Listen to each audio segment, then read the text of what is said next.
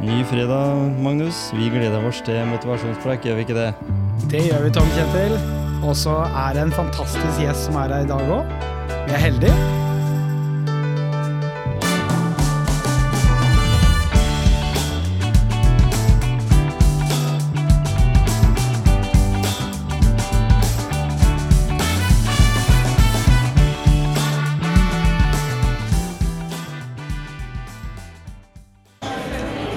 Ja, som dere hører i dag, så har vi kommet oss ut på kafé. Og vi har tatt turen til eh, Nå skal vi ikke drive noe reklame, men nyåpna Espresso House på Hercules i, i Skien. For dere som er lytterne våre der som lurer på hva det er, så er altså Hercules det største kjøpesenteret i ja, i Skien. fordi jeg har, måtte jo si det på den måten, fordi her i dag så har jeg en porsgrunnskar eh, på besøk. Eh, Espen Ellingsen, velkommen til motivasjonspreik. Tusen takk. Eh, jeg måtte jo si det på den måten, da, for jeg vet at du er sånn eh, Du mener at Porsgrunnselva den er her i Skien, og i hvert fall du er veldig, veldig Porsgrunnspatriot. Ja, jeg syns vi bør eh, vi, vi bør holde fakta. Fakta bør være fakta. Porsgrunnselva, det, det er Den går opp til Skien. Ikke sant? Og, ja, det, jeg syns det er greit at det er sånn. Selv om det kanskje ikke er helt, eh, helt statistisk eller historisk riktig. Nei, men, men jeg har jo Jeg jeg har vokst opp i Gråten, ja, da, så jeg sier alltid at spiller ingen rolle hva den elva heter, for jeg har vokst opp med at den het Gråtenelva. Ja, og det er, det er, da er det gråten, er det. Ikke sant? Og, og, og jeg vet jo det at når eh, vassdraget står stille, så regnes det vel egentlig som eh, en fjord. Det er det, og eh, absolutt. Og det er eh, Når det er strøm, mm. da er det, kommer den strømmen fra Skien. Så at, og det het, det het jo i, fra 1400-tallet Skiens elv. Ja. Så, men Og så- vi Og så har jeg sett det på et kart som noen nederlendere har laga, at det het Langesund helt inn i hele va- vassdraget her. Det var, Det eneste de ikke likte, det var den tollboden som sto i Porsgrunn. Ja, det var det de ikke likte. ja. Men eh, jeg kjenner jo deg egentlig fra jeg, eh, om ikke gikk med bleie, så var jeg i hvert fall ganske ung. Du var jo sånn tidlig på det med å få noen lommepenger gjennom å være Det passa i hvert fall meg og broren min, men det var kanskje mest eh, broderen. Det var, eh, det var ikke så det store behovet for å passe på deg, men det var Stian som det var et stort behov å passe på. Så det, Ja, ja. Men han, eh, han har ikke sett på 50 år, så Nei. han vært veldig, veldig gøyalt å se igjen. Ikke sant? Det kan du sikkert gjøre en dag. Han er ikke så ulik seg sjøl. Er. Eh, jeg husker en historie der faren min sa det en gang, at Stian hadde vært med og truffet faren din. Og da hadde jo, den gangen så gikk jo ungene med tresko. Og den historien der, den har jo levd sitt liv med at eh, når Stian eh, skulle liksom bli presentert ja, til, til faren din, så, så kommer han ikke med hånda, men han kommer med en tresko i leggen. Det er helt sant. Det er faktisk sant. Så det var sånn typisk Stian, da. Det var Han var- umotivert handling. Det eneste som var, det var at når han var tolv år og hoppa rundt i sofaen når vi hadde besøk, det var ikke helt eh, godt likt. Nei, han var, han var veldig veldig aktiv. Og, og det miljøet på vestsida, der som vi, vi på som som vi var født og oppvokst, det var eh, noe helt annet enn det er i dag. I dag er det bare en vei. Nå er det Den, bare en vei. den gangen så var det et samfunn. Ja, jeg husker det. Og jeg eh, jobber jo på sykehuset selv. Og en annen som eh, bodde i nabolaget, Atle, han jobber jo også på sykehuset. Vi snakker sammen litt innimellom, men eh, vi, har, vi har ikke mimra noe sammen, da. Det har vi Det er, det er veldig moro å mimre. For det var jo med, med yngstebroren din og, og Atle og jeg, vi var jo liksom sånn erteris, hvis en skal kalle det det, bak i, bak i gården der, ned mot, eh, mot verkstedet, eller det som, som var verkstedet den gangen, eller dokka som lå der. Men du vet, Tom Kjedli, når vi vokste opp, så var vestsida i Porsgrunn det var et, en egen bydel, og det var et eget samfunn. Det hadde postkontor, bank, butikker, frisører. Eh, det hadde ølutsalg, det, bensinstasjoner. Så vi hadde ikke behov for østsida Alt og, og, og, hovedbyen. Vi hadde alt. Vi hadde fotballag, bandylag, håndballag, bokselag. Vi hadde alt mulig. Alt var der. Så, så det var ikke nødvendig. Så, så, men samfunnet har jo vært en, gjennom en stor endring på Mm. de siste 50 årene som vi har levd. Når vi er født, og, født på begynnelsen av 60-tallet. Og de siste åra, og de, kanskje de siste 15-20 åra, så har jo samfunnet gått gjennom store revolusjoner både når det gjelder teknologi og, og dette med Også med i forhold til liber, liberalt demokrati. Ja, ikke sant? Så vi lever i en annen tidsalder eh, på de, de åra. Så, de, så våre barn igjen de vokser jo opp i en helt annen verden. Der, eh, Det er lojaliteten til butikken på hjørnet eller til kjøpmannen som kom hjem med varene, og du kunne krite i boka, husker jeg, og betale når lønninga kom og sånn. Den tiden er forbi. Den er vidt, helt vidt forbi. Vi hadde muligheter med, i forhold til Arbeiderpartiet, Gerhardsens eh, veldig viktige reformer i, i, samfunnslivet, gjorde at vi kunne få vår utdanning, studere, få våre greie jobber. Og vi hadde vel gjennom fra 1945 fram til kanskje i hvert fall for 20 år siden så, det, så, gikk jo hele samfunnet gjennom en stor klassereise. Ja, og den var ganske lang også. Og våre barn i dag, de har jo De vet ikke hva, hva det, hvordan det var å ikke kunne kjøpe fotballsko eller bandyskøyter, for vi hadde ikke penger til det. Så jeg, i, i perioder så kunne jeg ikke spille bandy på Vestsida, fordi foreldrene mine de prioriterte ikke at jeg skulle få bandyskøyter. Men i dag så kan du gå og kjøpe hva som helst, og ungene våre de, de vet rett og slett ikke bedre. Nei. Så det er ikke, det, det er ikke den skyld. Nei, og den gangen var det jo fotball på sommeren og bandy på vinteren. Ja, så, så, jeg husker jo det godt eh, at mora mi hun måtte dra helt Det var ikke så mange butikker som hadde fotballsko den gangen. og det, Men de dro til Intersport i Porsgrunn, i Storgata der. Da husker jeg han Tingstad han gikk opp i, på loftet. Fordi uh, mamma hadde, sa jo det, hun var jo rett ut bestandig og sa at vi har ikke råd, liksom. Og sånn, så fotballsko, det må sønnen min ha. Han skal jo begynne i Hercules. Mm. Da var jeg sikkert seks-syv år. Så han gikk da opp på loftet og henta en sånn støvete eske som var sikkert noe sånn gammel, som passa. Gammel modell. Da var det Viking. Ja, det var Viking, ja. Eller Tepa som jeg fikk, da. Ja, ikke sant. Så det var den tida, og i dag så koster et par fotballsko til en tolvåring 3500 kroner. Det er vi helt for, det er vi kjøper det jo, fordi du, alle, mange mener jo at du må ha det for å bli god. Ja. Det var ikke sånn. Se på, på, på Odde gamle, altså de tidlige generasjoner. Odde-spillere, Porsche-spillere, Ured-spillere. Kan nevne hvilket som helst. Skottfoss. Mange gode fotballag. Men de, vi spilte jo barbeint på sommeren. Ja? Altså, vi hadde veldig mange når vi på 60-tallet, 60 på 60-tallet, da. Vi hadde ikke råd til å kjøpe fine fotballsko, joggesko. Vi hadde noen, et par vintersko og et par sommersko. Mm. Og det var det vi brukte å spille fotball med. Ja. Det var jo egentlig Nå har vi jo snakka litt om den tida der. Eh, og det at jeg eh, tok kontakt med deg, fordi jeg ser jo det at du er i gang med å starte et eh, politisk parti. Og de som kjenner deg og som hører på podkasten her, de vet jo at du er litt over normalt engasjert innen politikken. Jeg har Det har noe med Jeg tror det har noe med tidsalder. Det har liksom en tid når du er ungdom, og da når jeg, fra jeg, fram til jeg var 18-20 år, så var ikke jeg interessert i politikk. Eh, da var det bare i fotball, i all type idrett, og fram til jeg også var stu på å studere for å få seg en jobb. Mm. Og så etter hvert så kom interessen for eh, i, i, utgangspunktet ikke for politikk, men for samfunnsliv. Mm. Eh, politikk er jo alt vi gjør i dag. At du og jeg sitter på kafeen her, det er bestemt av et, et parlament av politikere at, det, at, de får lov til å selge kaffe her. Mm. At kjøpesenter ble bygd her. Ja. Alt er politikk. Mm. At Skien kommune f.eks. vedtok å utvide Hercules-senteret mm. i sin tid på, på 90-tallet. Det er vel kanskje en, et, et, vedtak som mange politikere i Skien gjerne skulle ha reversert. Ja, For det har jo lagt Skien by, Skien som sentrum, totalt død. Men som men, men, så har du fått noe annet. Du har fått Hercules, et veldig flott kjøpesenter hvor alle mennesker, også hele Grenland, kan reise til. Mm. Så du har mista noe, og så har du fått noe. Ja, men alt det er bestemt av politikk. Mm. Så jeg var veldig engasjert i samfunnsliv. Jeg var engasjert i fotball, i bandy, jeg var engasjert i, i menneskene i familien rundt meg. Mm. Og etter hvert så forsto jeg at eh, jeg kan godt være engasjert og interessert i, i samfunnsliv, men hvis jeg ikke forstår politikk, mm. så har han heller ingen mulighet til å kunne påvirke noe Nei. som helst. Så, så, du har satt deg litt mer inn i sjølve den politiske plattformen, for du har jo til og med skrevet bok om det? Ja, og jeg har, jeg har med deg en bok eh, som jeg har skrevet noen ord til deg her ja. i dag. Den boka skrev jeg vel for eh, jeg tror det var for rundt en ti år siden. Mm. Den heter 'Politikerom-boka'. Ja. Og, og, det er en bok som eh, er veldig frekk. Eh, det er ment som en rein ironi, ja.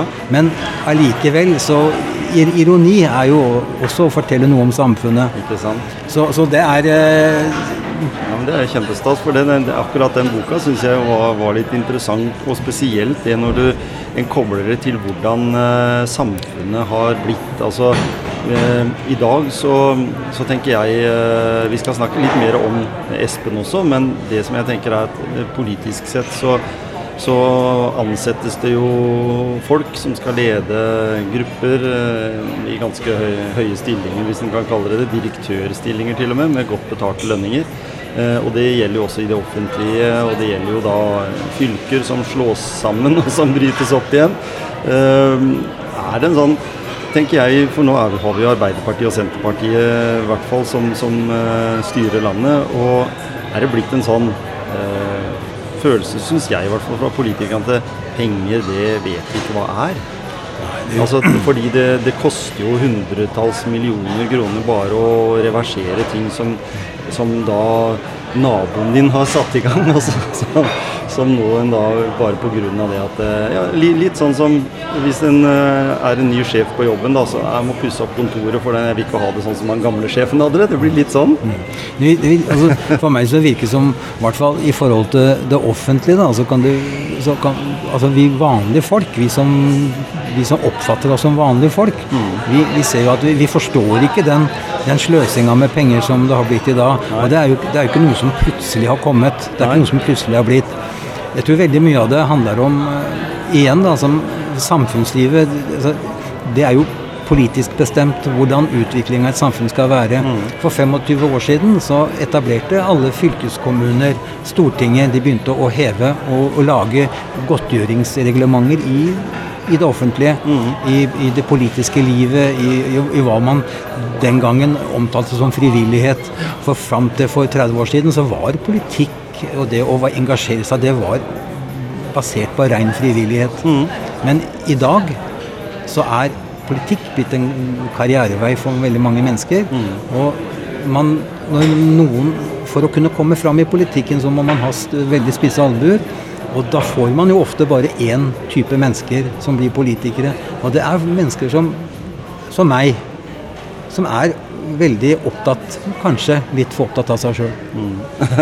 det var ærlig sagt. Ja, det er ærlig. Det er, altså, det, du får ens, du blir sånn ensretting ja. i, i, politikken. At det, at det, bare på en måte skal være én type mennesker mm. som, som, skal kunne på en måte bestemme over For det at det vanlige folk kanskje forstår, men kanskje ikke forstår veldig godt, det er at alt vi gjør i dagliglivet vårt. Alt vi gjør, om vi skal reise på ferie, om vi skal ha pass, om vi skal ha, eh, vi skal ha en vei der, en gangvei der, bypakke Grenland, altså hvordan vi skal bygge infrastrukturen i Grenland. Altså alt er bestemt av politikere. Mm. På en jobb, om du jobber i sosialtjenesten eller om du jobber i barnevernet, alt er bestemt av politikere, enten på Stortinget eller i, på fylket eller i kommunen. Mm. Hvor mye sosialt, hvor mye eksempelvis i en kommune, samme hvilken kommune, hvor, hvor sosialhjelpssatsen er for noe, det er bestemt av kommunen. Ja, ikke sant? Men, men, da tenker jeg, i en tidligere episode så hadde vi en lengre prat med Jan Bøhler.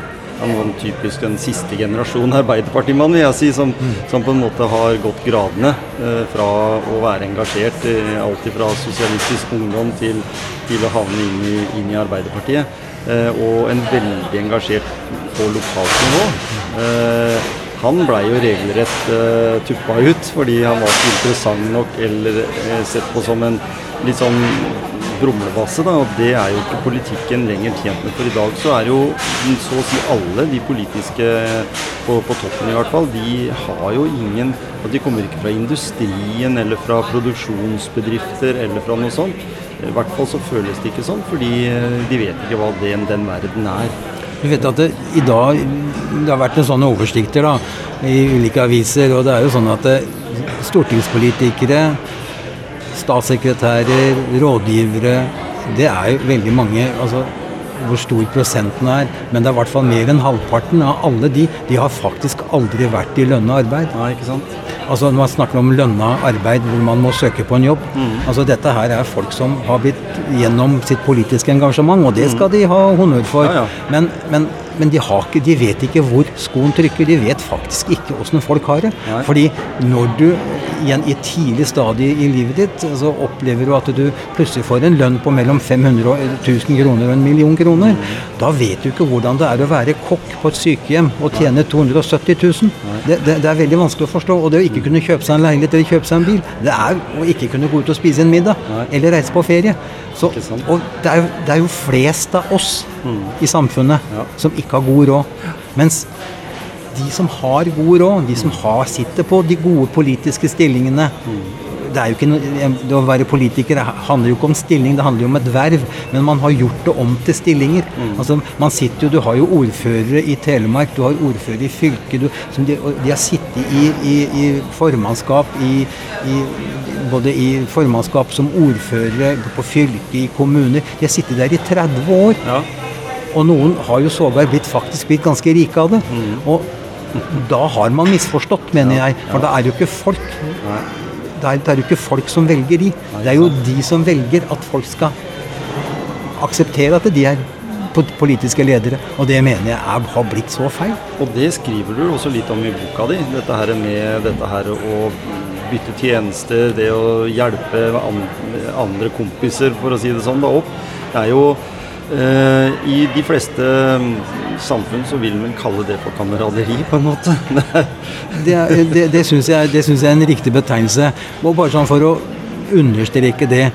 De fleste, politi, de fleste politiske mennesker og de fleste politikere, lokalpolitikere i dag, det er flotte folk. Ja. Som, som er engasjerte i samfunnet sitt.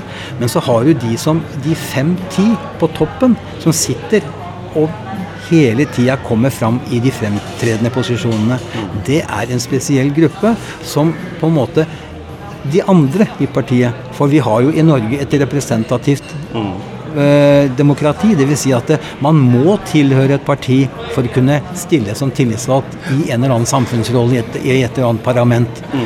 Og når du når, du- når noen da eier et parti og har så stor makt og har så stor kontaktflate i det partiet at de blir valgt periode etter periode etter periode, så er det jo helt umulig å ta bort de menneskene. Fordi det er jo de som kan ta de bort, det er jo de som sitter i det partiet sjøl. Men igjen, de som er på toppen, de er så sterke. Og folk, og de, de skaper frykt i sitt eget parti, veldig mange av de. Men jeg må si 80% 90% av alle som er politisk engasjerte, det er jo sånne som deg og meg. Det er flotte, det er jo normale, hyggelige, vennlige, vennlige folk. Men så har du den 10% på toppen. Det, er de, det er de som ødelegger som, som faktisk har ødelagt politikken Mm. i dag. Så på, på de grunnlag da, så har jo du nå, som jeg sa her i stad, valgt å så jobbe for et eh, eget parti, Elvepartiet. Vi har laga I utgangspunktet jeg har laga et parti som heter Elvepartiet. Fordi jeg har jo sett opp gjennom åra Jeg har vært eh, veldig eh, interessert og engasjert. Og jeg har jo sett at eh, et parti som Arbeiderpartiet eller Senterpartiet eller Høyre eller Fremskrittspartiet, så lager man da før et valg et partiprogram. Ja. Men det er jo ikke verdt papir engang. For at det, det, det skjer jo aldri det som ja, Nå har jo da Senterpartiet fått med å reversere domstolsreformen, kommunereformen. Men det er ikke nødvendig, det, for det er ikke det folk lenger vil ha. Nei. For hele tida, hver dag, hvert sekund, så går samfunnet videre. Det som var, ok, det var bra, men ok, det er greit det som er nå. Sånn tenker folk. Ja. Så man kan jo ikke drive og holde på og, og, og skulle reversere ting hele tida. Hvis det er noe ting som er veldig fubart, så må man jo nødt til å gjøre noe. Ja. Men altså mitt, altså hele mitt poeng og mitt, mitt ønske om å lage et nytt parti, det er at eh, vi må ta politikken tilbake der det hører hjemme. Og det er rett og slett ved, ved middagsbordet. Ja. Altså hver og en, hvert og et tenkende mennesker i Norge er politikere uten De tenker jo ikke politikk i utgangspunktet når de sitter og diskuterer samfunnet og, samf og by, sam, gatesamfunnet rundt seg når de sitter ved middagsbordet. Men alt man tenker og snakker om, om, om ikke, hvis man ikke snakker om seg sjøl bare, så handler jo det om politikk. Ja. Og det er jo der politikken ble skapt. Og jeg må jo si at en av mine store helter, det er Einar Gerhardsen. Det er en eh, mest, altså han, han var ikke opptatt av Einar Gerhardsen, han var opptatt av det norske samfunnet og hvordan, vi kunne, hvordan alle skulle få det godt i det norske samfunnet. Og når partiet da lager et partiprogram, så er jo de i utgangspunktet interessert i hvordan alle i samfunnet skal ha det godt. Ja. Men det blir jo ikke sånn. Men det blei sånn før. Fordi da hadde alle Vi var, altså vi var likere. Eh, I dag er vi i ferd med at samfunnet er blitt klassedelt. Men det var det faktisk ikke for 50 år siden. Da var ikke klasse, samfunnet klassedelt på den måten det er i dag. Og da var vi vi gikk, alle, vi gikk alle på den samme skolen. Vi gikk alle på enhetsskolen. I dag er det privatskoler. Det er mange andre alternativer. Og det skal jo bygge et godt samfunn. Ja. Så må også folk Det er godt at folk er ulike, men vi må faktisk nødt til å være like også. Når vi, når vi tenker tilbake på den uh, tida som du starta ditt politiske engasjement, da, sånn i studentperioden, uh, så, så var det noe som våkna i deg. Du sier, eh, eller vi har snakka om tidligere, at det var Arbeiderpartiet som sto liksom høyest for uh, de som var vokst opp i arbeiderklassen. Det var jo liksom, det var sånn. Eh, og de som tok uh, blårussen, de ble litt så De ble kanskje høyere folk. det var- Eh, og, og, og det ser vi jo med, gjennom avisen nå, som ikke lenger er politisk uh, retta. I hvert fall ikke de lokale avisene vi har her i, i Grenland. Vi er for så vidt heldige, for vi har fortsatt to lokalaviser i, i Telemark som, som på en måte eh, De er vel mer grenlandske enn det, enn det de er telemarkske, sånn sett, men, men allikevel så, så er det jo det. Og, vi, og det skaper jo en viss sånn konkurranse på, på, på den mediefronten. Men, men tidligere så var jo disse her klart tydelige blå aviser. Eh, og, og den inspirasjonen som jeg tenkte vi kunne snakke litt om, som, som gjorde at det var det en sak eller, eller noe som starta ditt politiske engasjement i den tida som du, du nevnte? Altså, når, jeg, når jeg studerte, jeg på, for mange mange år siden, så gikk jeg på noe som heter Distriktshøgskolen i Bø. Da tok jeg grunnfag og mellomfag eh, historie. Og det syns jeg var veldig spennende, fordi da lærte jeg veldig mye om, den, om samtida, samtida mi, samtidig som jeg lærte om fortida. Og det er sånn at Ikke at jeg blei så veldig lur av å gå der, men jeg lærte, noe lærer jeg når man går på skolen. Og da forsto jeg at for å kunne forstå noe om framtida, så må du også skjønne som, og forstå hva som skjedde i fortida. Og når du jeg Den gangen, da når jeg var i 20-åra, begynnelsen 30-åra, så var jeg veldig Arbeiderpartimann. Jeg, altså jeg var en, jeg var en uh, Altså hele mitt hele, altså, I hver celle i kroppen min, det var Arbeiderpartiet. Men etter hvert så har jo Arbeiderpartiet endra seg. Ja. Og når jeg begynte å se at Arbeiderpartiet endra seg, så, så blei ble det faktisk et, eh, et, eh, et, sånn, et problem for meg. For, at det, for Arbeiderpartiet det var jo sikkerhet. Det var jo det som var det solide, det solide i samfunnet. At vi visste at det stemte du på Arbeiderpartiet, så visste du hva du fikk. Ja. Og etter hvert, da, du skal gå tilbake i 30 med Gro Harlem Brundtland, så begynte det å endre seg. Og, og det syns jeg var veldig leit. Og da ble min politiske interesse vekt, fordi at jeg forsto at det, nei, men det, det, det ville ikke være sånn som jeg som det var i min oppvekst fra, Nei, seks- ikke sant. fra 1960 til begynnelsen av 1960-tallet fram til 80-tallet. Det, det ville ikke være sånn. Det, det, det kom ikke til å være sånn videre. Og da tenkte jeg at det, nei, men da må jeg i hvert fall kunne hevde min mening.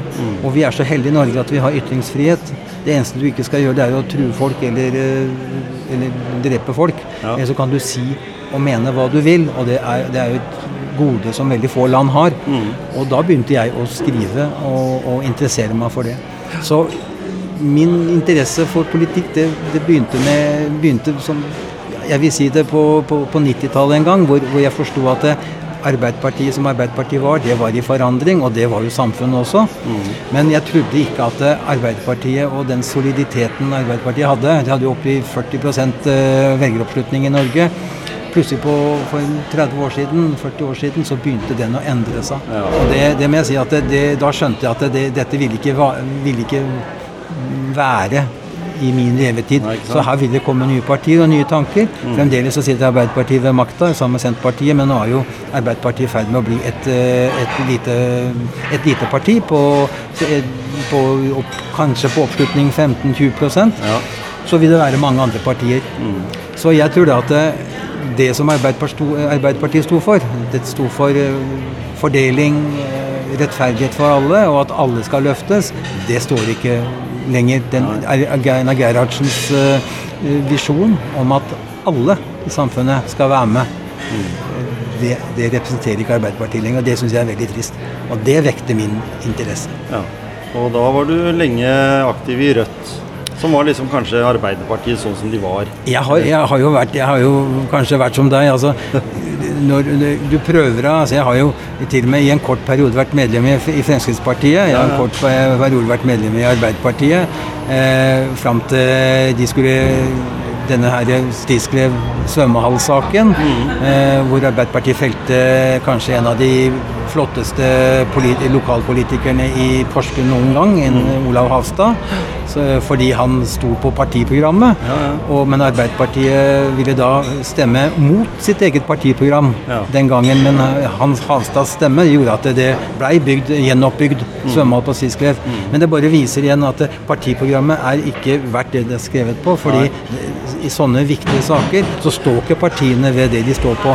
Eksempelvis, det er jo det er store lerreter å bleke, men eksempelvis strømpriskrise, mm. bensinpriskrise, eh, matpriskrise, boligpriskrise. Altså, hadde Arbeiderpartiet, hadde, hadde Einar Gerhardsen fått oppleve det han har opplevd i dag, eller hadde han fått høre det i grava, så hadde han jo snudd seg i den grava, for det hadde jo vært forferdelig for han mm. at hans eget parti ikke sto på innbyggernes og de svake side.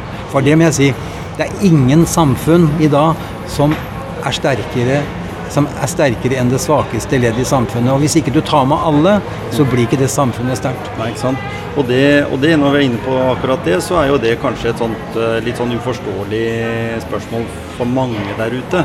Eh, ikke de som på en måte tjener på dette, fordi det er jo alltid noen som sitter og kan eh, kjøpe opp restene av ting og vet at dette her kom, kan vi ligge, la ligge til, til, det blir bedre tider igjen. Men det er noe med dette at Norge tjener penger som aldri før. Oljeprisen er sky high. Eh, vi hadde jo bedre tider når oljeprisen var så lav at de vurderte å slå eller stenge noen, noen plattformer, bare for å liksom ikke Produsere for mye? Ja. Begynte å permittere i, eh, i, oljebransjen. Det var jo en periode det, det var sånn. I dag så er det jo som sagt eh, aldri vært mer, og vi selger gass. og vi er til og med tung lønnsnemnd i, i oljesektoren. Det, det, det, har jo kun vært innen politi, helse og Ja, det er jo, det er jo helt utrolig. Brann, så, det, er, det, er, det, er, jo ikke til å forstå. Nei, så, så, så, derfor så ser vi hvor eh, mye penger, hvor viktig penger blir. Eh, det at vi sylter ned mye penger, det er jo én ting. Eh, jeg vet at alle nye partier, så også som ditt, kommer til å få det spørsmålet hvordan skal du finansiere dette her ved at du skal gi tilbake til folk det folk gjerne vil ha. For Det er jo liksom sånn, det er jo denne Arbeiderparti-ånden som, som, ligger i, i bakgrunnen. At de, at de, som skal ha makta, det er de som du sa, med, ved middagsbordet, som skal kunne komme og si at eh, hva, Espen, eh, kan du gjøre med det? For det, det er jo der vi alltid snakker om eh, diskusjonen om hvor skal du få pengene fra.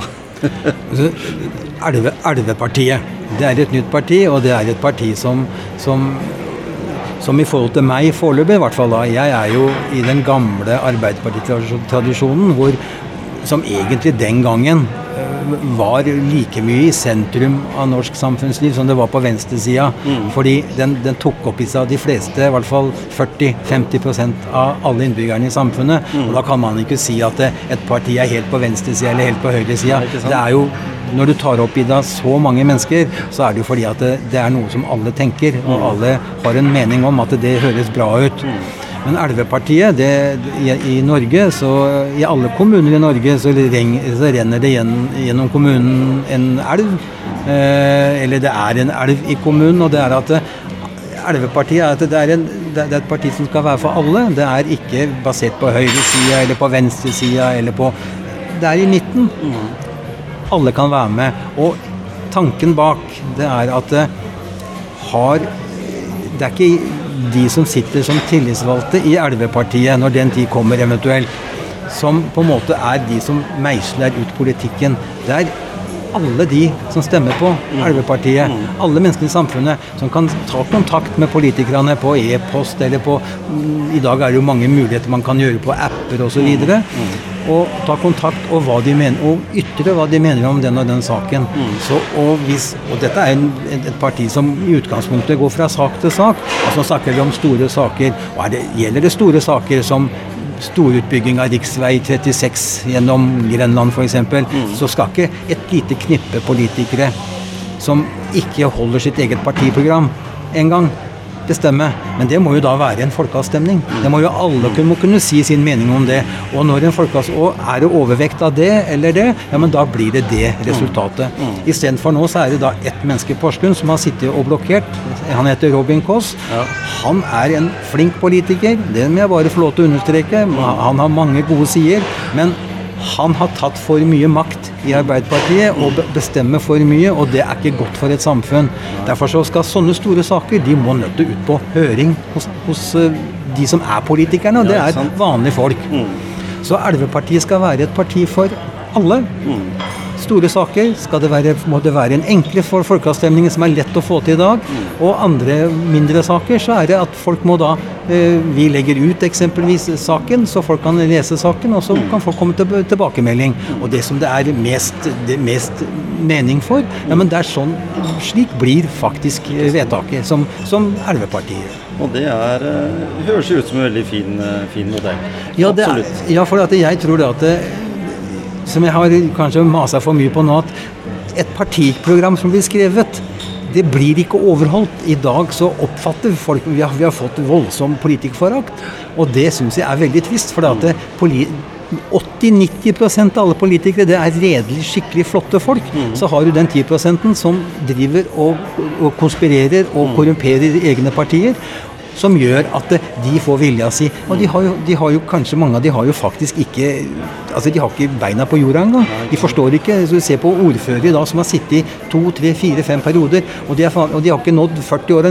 nesten ikke blitt 40 år engang. De har jo ikke vært i arbeid. De vet jo ikke hva det er å ha en lønn på 300 000 kroner. Som folk sliter med. Og når ikke du har den ballasten med deg som politiker, så vet du faktisk ikke hva politikk er for noe. Og det er jo sånn Norge har blitt, at vi kan veldig lite om produksjonsbedrifter. Altså, sett ut fra at vi for 20-30 år siden hadde det som sånn hovedgreie. Vi har jo produksjon av olje, og vi har jo, produserer jo laks. Altså, det er jo produksjonsbedrifter på én måte, men Grenland som område er vel kanskje litt sånn øh, oppspist. Øh, selv om Porsgrunn har en god del øh, næring, hvis vi kaller det det på Herøya fortsatt, så, så er det klart at den, den veien, i hvert fall, den vil jeg jo si av egen mening at, uh, mange jeg snakker med uh, som, som, kjenner Grenland utenfra, de syns jo at grenlandsområdet er en flaskehals i forhold til det med transport. Jeg er jo av den oppfatning at jeg mener at uh, bil det må man ha for å komme til Oslo eller til Tønsberg eller Sandefjord eller hvor vi måtte ønske å dra.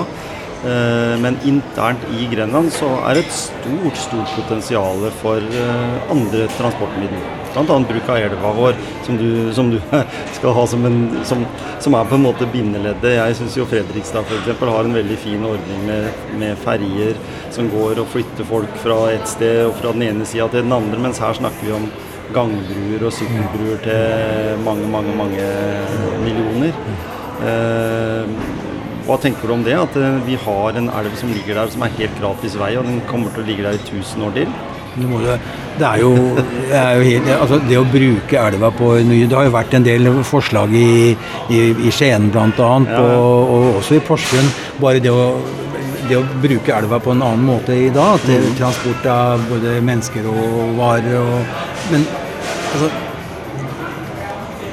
jeg oppfatter i hvert fall at, eh, at, eh, når en politiker slenger ut sånt, eh, en, en, sånn tanke da, i mm. Grenland, så blir, det, blir, den tanken veldig fort kvært av andre politiske Fordi vi i Porsgrunn, Skien, Bamble vi, er, vi ligger veldig nær hverandre. Og mm. Porsgrunn, Skien er en konstant rivalisering. Og jeg må jo si at det, med tanke på bru over elva har, I dag har vi jo to bruer til, Unnskyld, tre bruer over, over Porsgrunn-Skienselva. Jeg kaller det for Porsgrunnselva. Ja. Mm. Og med en ny rv.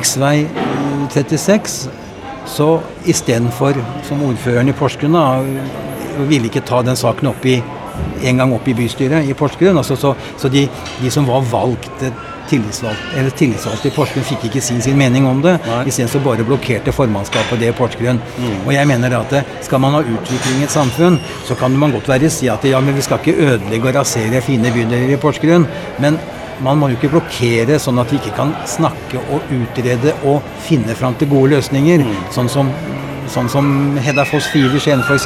ivra for det. Og Det er veldig sans for Hedda Foss Five. Hun er veldig dyktig, og hun har veldig samarbeid. Men når du har politikere som blokkerer fordi de mener det, uten at de har snakka med innbyggerne, sitt eget parti, bystyret der de, der de bor, hva mener dere om det? Det er sånne ting som gjør Sånne politikere som ødelegger altså øde, som, som gir statusen til politikere en veldig veldig knekk, og det syns jeg er unødvendig. Derfor Elvepartiet. Elvepartiet skal ikke tillater ikke sånne mennesker å komme, komme fram. Fordi det er hele tida innbyggerne og innbyggernes politikk som er bestemmende for hva som skal være. Og hvis innbyggerne i, i, i, i Porsgrunn hadde ment nei til ny firefelts vei over, over Porsgrunnselva, ja, men da hadde det blitt nei til det. Ja. Fordi når majoriteten ikke ser seg tjent med det, så, skal de, så skal vi ikke lage politikk som går imot det. Nei, det, er, det er litt som det er litt som med, med, med, med strømpriskrisa. Hele Norge Det er kanskje, kanskje det er 5% i Norge som syns det er helt ålreit at kapitalismen, kapitalkreftene, markedskreftene, har overtatt strømutvekslinga i Norge, fra Norge til utlandet.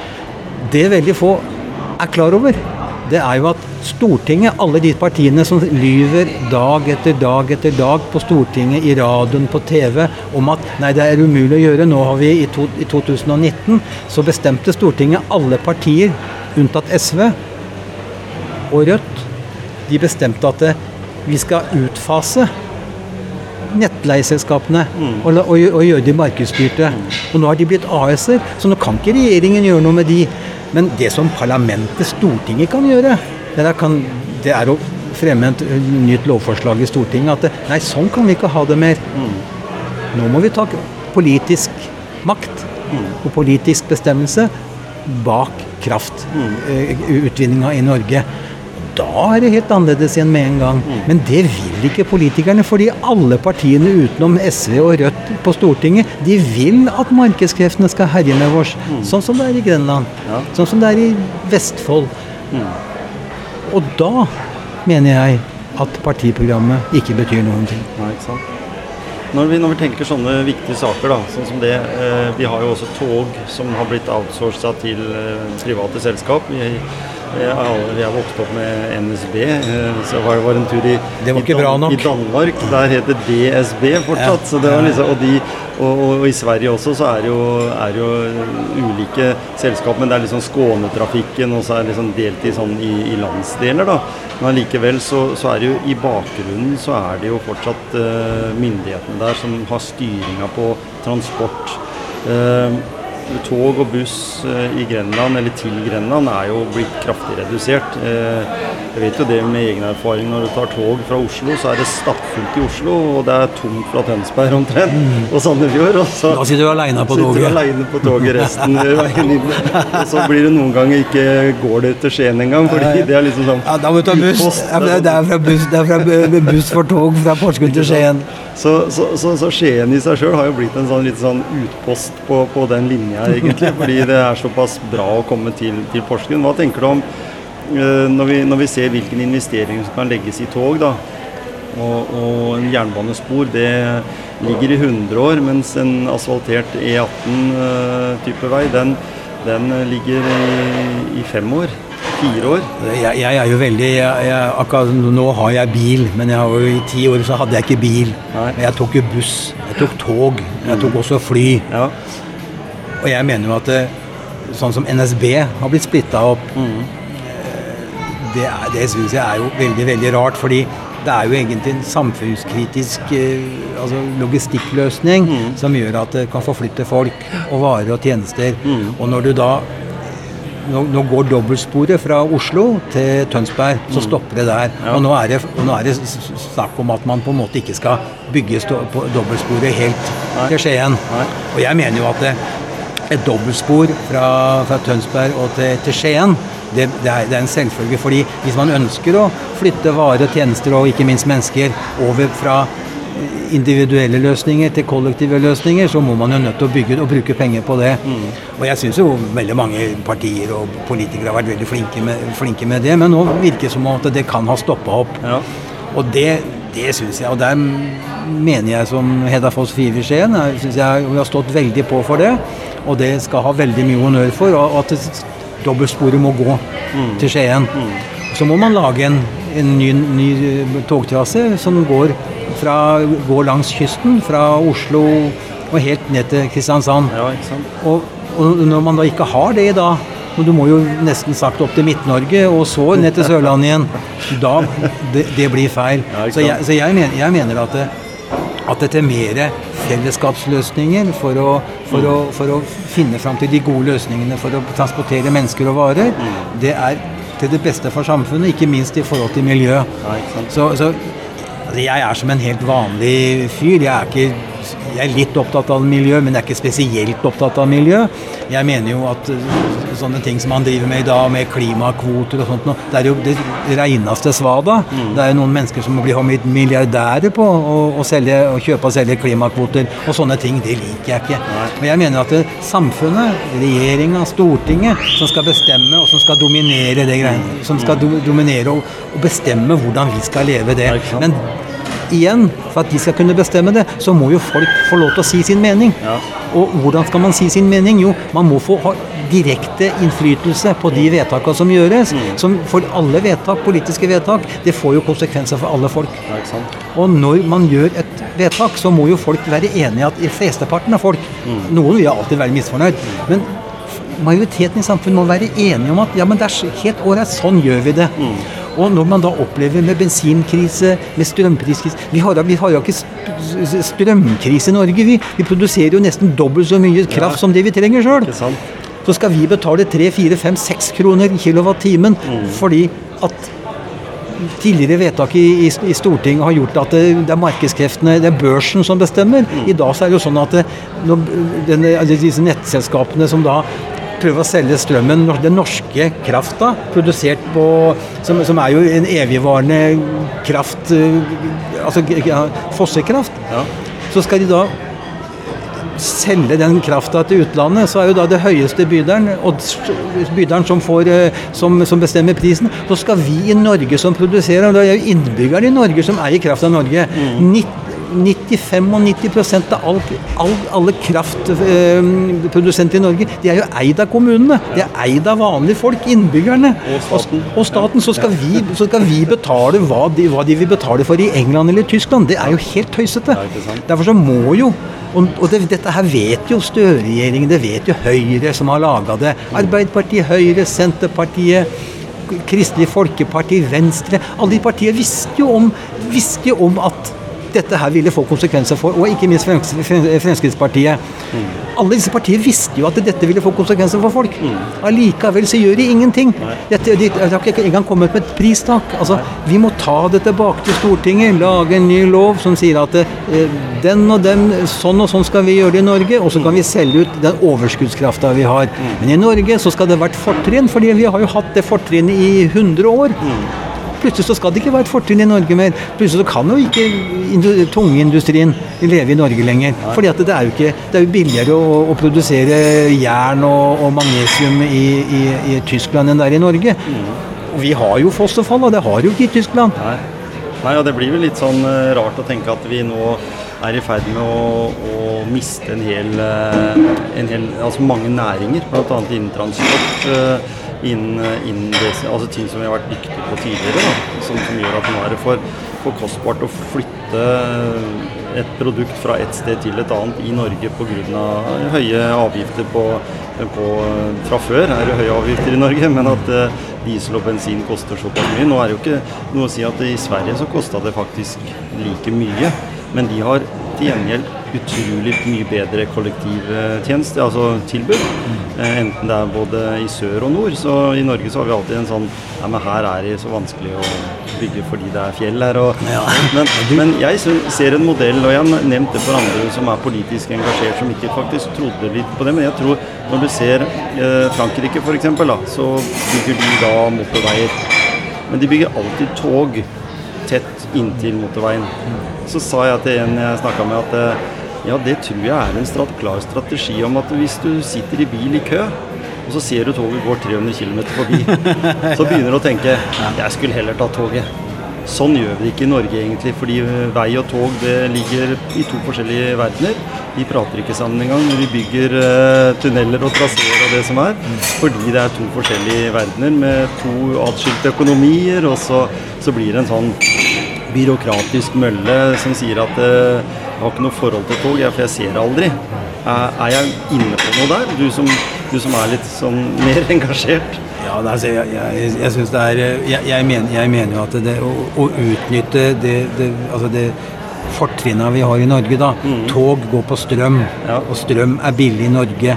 Og hvorfor ikke bygge ut jernbanen? Bygge ut jernbanen enda mer enn det vi, gjør, vi har i dag. Dette er og som du sier, i dag ligger jo også deler av jernbanenettet gjennom E18 fra, fra fra, fra Porsgrunn inn til Oslo, det ligger jo jern, Jernbanenettet ligger Du kan nesten se toget fly Ja. forbi deg, og det tror jeg er veldig bra. Ja. Det er, som du sier, det kan jo også være motivasjon, motivasjonsfaktor til å, å bygge mer tog.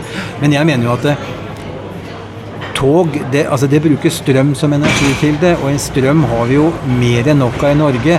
Men vi må ha politikere som lytter til folket, som gjør noe med kraftlovgivningen, slik at det, det er politisk makt. Det er politikerne som bestemmer hvordan, hvordan vi skal fordele strømmen i, i Norge. Hva den skal koste.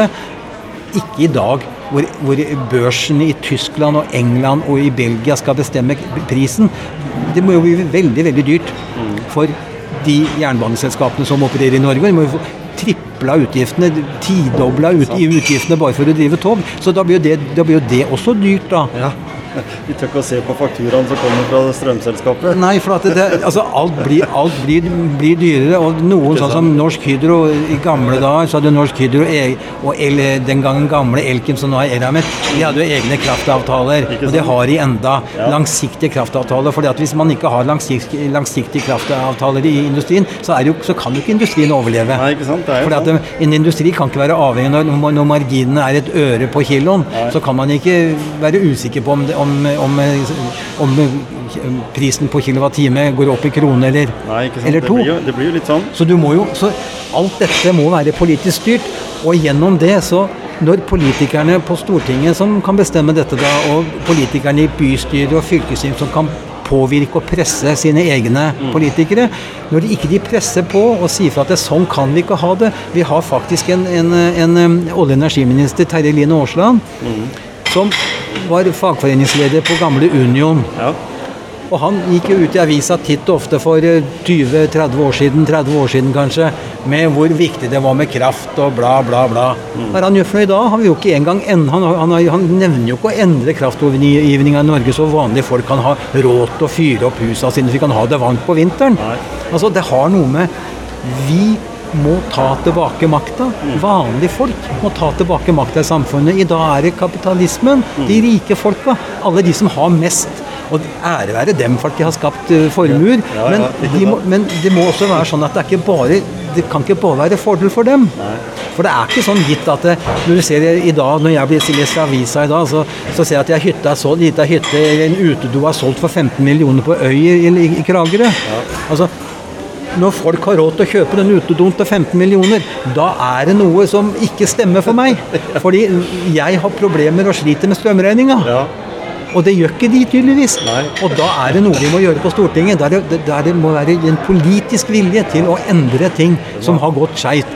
Og i 20-25 år nå så har det blitt verre og verre. Og I 1990 så endra man konsesjonslovgivninga fra å være at det skulle være kraftlovgivninga til at det skulle være politisk styrt til markedsstyrt. Og i 2019 så kom jo dette her med hvor man hvor man outsourca nettselskapene, som jo tar betaling for den krafta, for de blir jo enige med, med kraftleverandørene. Og så blir det AS-er, og så går de på børsen. Så sitter jo vi for å si det, vi, vi, vi vanlige folk, da, og vi er jo i hvert fall 50-60-70% av oss i det norske samfunnet som sliter med de regningene. Og det er jo helt ufattelig. Og da mener jeg Elvepartiet er et parti som skal være med og gjøre at det som folk mener Politikerne også vet hva folk mener. Men de har ikke, hatt, de har ikke bakkekontakt. Og når, folk, når du tjener en million og ikke betaler for noen ting i livet ditt, gratis leiligheter, mat, reiser når, ikke du, når, ikke du, når du har hatt det noen år, så blir jo alle godt vant. Ja? Og da blåser du i hva andre folk mener. Og jeg har veldig tro på at det, til flere mennesker som får være med å bestemme, til bedre blir samfunnet. For da blir samfunnet mer likt og mer rettferdig for alle. Det er nok en riktig modell. Nå har vi snakka mye politikk. Eh, Espen som eh, forfatter, da. Ja, og det, det må jeg også si at du kan si at det, det, som med, med det, å det å skrive Jeg har jo solgt i en periode så har jeg solgt en del uh, tidligere, da. en- Krimnoveller til ukeblader og fagblader. Og, så jeg skrevet en fem sammen med, med, med min venn som heter Marie Haugerud. Så har vi skrevet eh, fem, fem krim, krimromaner. Ja. Og veldig mye av og det er derfor, og det er jo kanskje den krimserien Den er ikke ferdig, den kommer flere. Men det er den krimserien hvor, som politikerne hater mest i Grenland. Altså, de, Det er ingen, som, ingen politikere i Grønland som har snakka om Teddy Valle. Nei. Det er fordi Teddy Valle slår, slår i øst og i vest. Og det Krimserien er i utgangspunktet veldig politisk. Men det blir ikke godtak. Det blir ikke engang godtak fordi det, morsomt, at det kan være morsomt en gang. Fordi de mener alt jeg, veldig mye av det jeg sier og mener, det mener jeg det er han, der, han Ellingsen, ja. Det er fordi jeg setter ting på spissen, og så pleier jeg å si det mener jeg, og når jeg mener det, så er det fordi jeg har snakka med folk. Men, men hva mener dere om det? Og når holdningen er at jo, vi mener det, da også er det så veldig stikk i strid med hva de politikerne som har sittet på sine tunge, godt betalte posisjoner i flere i tiår. De er jo veldig imot sånne som meg, for jeg er jo farlig. For jeg kan jo øde, ta fra de makta, ta fra de gode inntekter, og, og, og som gjør at de må ut, og, ut på en helt vanlig arbeidsplass og søke jobb. Og det er jo de veldig bekymra for. Så, så, krim, så krim, krimserien, da. Teddy Valle. Det er ikke meg, men Teddy Valle er et vanlig, van- han er en vanlig mann i gata Mhm. Som mener noe om det samme som det jeg gjør. men er det noe, noe Teddy Valle Eller er det noe Espen i Teddy Valle? Det er klart, altså. Det er klart at når Teddy Valle slår rundt seg, så er jo Det er jo ikke på den måten jeg slår rundt meg, men det er jo det er for å det er, det er, det er jo uppa når han, når han herjer litt vilt rundt. Mål, målet er jo å underholde. Det er, altså, det er jo underholdning. Det er jo det som er meninga mi. Men Teddy Valle er jo veldig politisk. Alt han gjør, tenker, det er jo politisk. Ja. Og han også vet, Teddy Valle, at alt som skjer i samfunnet, alt fra at en gatestubb blir stengt, at det kommer nye røde felter i veien, alt er politisk bestemt. Det vet også Teddy Valle. Og derfor så klager han på de og kjefter på de. Og de, det er politikerne. Fordi han mener at de har jo ofte ikke helt forstått hva egentlig de fleste ønsker med det samfunnet de lever i. Men er, det, men er det ikke litt sånn, eh, hvis du tar det over idretten, da, hvis du sitter på tribunen og ser eh, fotballaget Odd, da, som er vår felles eh, si, lag, selv om en har Porsche og Ja, ja. det andre lag òg. Eh, og så har han gode løsninger om hvordan eh, treneren burde gjøre det. Er det ikke litt sånn da også i den verden i politikken også, at en kan si noe, men en eh, vet ikke helt konsekvensen av hva en sier? Helt klart. Og jeg, jeg, har, jeg, er, jeg er veldig frittalende. Og, og jeg, hvis, du, hvis du tar til fotballterminologien, da, så er, sånn, så er det jo sånn at når du sitter på tribunen, så ser du en takling eller en, eh, veldig, et trekk som ikke blir gjort. Ja. Som jeg sitter med fugleperspektivet fra tribunen, så tenker jeg hvorfor gjorde han ikke det? For han kunne jo fått ballen gått til han og han og han, og så kunne det kanskje blitt mål. Så tenker jeg at nei, når man i der og da gjør det du, for da, Som fotballspiller så er det, det er både et lagspill, men samtidig også veldig individuelt. Og når du da gjør det du gjør, så gjør du det på impuls. Men hvis du overtar det over til politikken Hvis du tar bort at det er bare én person som skal bestemme, men hvis du snakker med mange, så gjør du kanskje ikke akkurat det trekket der som gjorde at ikke det ble mål. Du hadde tatt det andre trekket som gjorde at det ble mål. Så det er det her at det, Istedenfor at én skal bestemme mm. alene. Og hvis den én er ego på fotballbanen, mm. så får han kjeft av medspillerne sine. Ja. Men noen klarer ikke å la være, la være å være ego. Nei. Så de er jo gjennom hele sin karriere. Og det blir jo veldig upopulære folk. fordi ja. de, ofte så, gjør jo de, så tar de jo dårlige avgjørelser. Mm. Fordi de tenker bare på seg sjøl, ikke på laget. Nei. Og det er det som også er meninga med Elveposten.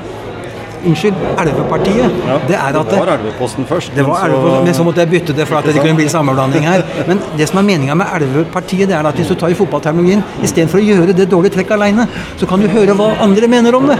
Og så kanskje du får en, et en bedre vurdering av den saken som du, som du, har. Og da kan det kanskje bli mer oftere goal. da. Som kanskje har gjort fotballen bedre også, både i Norge og andre land. Ved at det i dag er flere som er med på å påvirke Ser vi miljøfokuset som Odd har, så er jo det sånn ja, Det er førsteplass i Norge, hvis ja, du tenker det. Og det er takket være Einar det som har gjort eh, jobben der, for det er jo noe han brenner for.